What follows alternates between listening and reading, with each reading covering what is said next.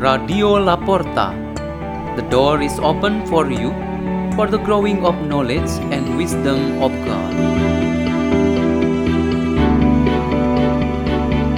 Delivered by Lucas Damianus Fernandez and Bellatrix from St. Peter's School in Jakarta, Indonesia.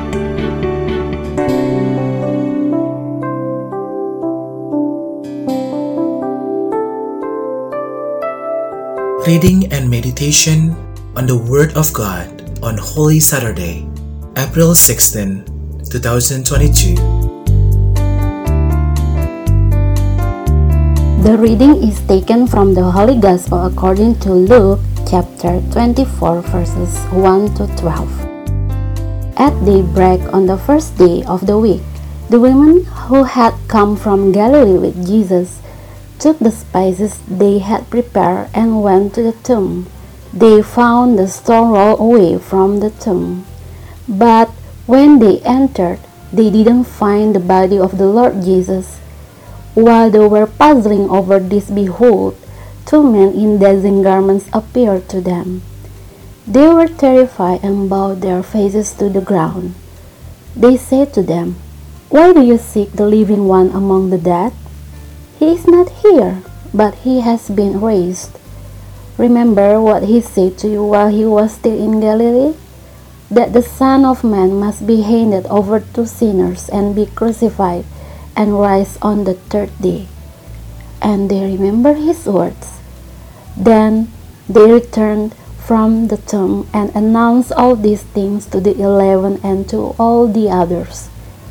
The women were Mary Magdalene, Joanna, and Mary the mother of James. The others who accompanied them also told this to the apostles, but their stories seemed like nonsense, and they didn't believe them. But Peter got up and ran to the tomb, bent down, and saw the burial clothes alone.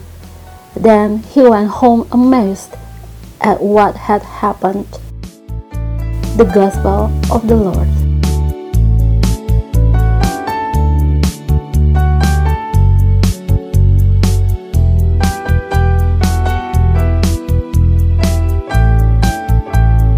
The theme for our meditation on this Holy Saturday is Light Overcomes Darkness. We have just passed the Good Friday with its sentiments of loss, mourning, and sadness occupying our deepest hearts. This atmosphere makes us feel like being abandoned and hopeless.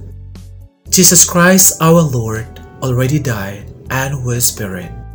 But today, the church tells us that there is hope and help. Jesus is our light and He is our faithful helper. Today, from morning until late afternoon, the quiet and calm moments accompany us to leave behind feelings and thoughts about mourning and loss.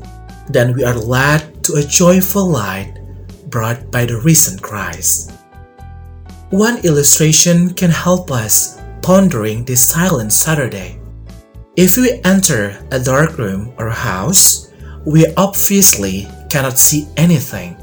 It is very difficult to find a space to step on like blind person, we can only feel our situation and existence where we are at the moment. We must be very careful with each step because otherwise we slip and fall, especially because we're not so familiar with the place or location we are. Such is the situation of life in the world where we live if without Jesus our Lord. There are many temptations in darkness. We can just step and fall into temptations. But in God and His mercy, we find light for our steps and walks. This light is Jesus, and He dwells in us, in our families, our society, and our church. One light alone is very important, and we do have it. While our surroundings are dark, we have and hold that light. We need to remain strong in faith, and continue to bring that light without having carried away or battered by the darkness which might be increasing every time. So, even though there's only one small light, the surroundings are threatened by it. One light that shines will surely make the darkness not anymore perfect. Jesus says, I am the light of the world. Whoever follows me will not fall into darkness. The light of Jesus is not something physical or material, like a candle or fire. That light is a spiritual guidance and a path to be stepped on in our journey to the Father. So, by following that light, we are so guided and directed because Jesus Himself is our true light. By this light, we will know how to worship our Father in heaven.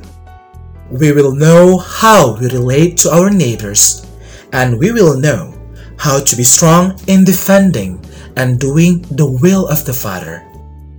Meditating on the light of Christ that overcomes the power of darkness really leads us to the celebration of the Easter Vigil, which we will soon celebrate with great solemnity. With all the preparations and our spirit keep burning to meet the risen Christ, we truly welcome the Easter Vigil tonight with great joy. Let's pray. In the name of the Father, and of the Son, and of the Holy Spirit. Amen. Almighty God, protect us always who walk on your path and do your will under the guidance of your marvelous light.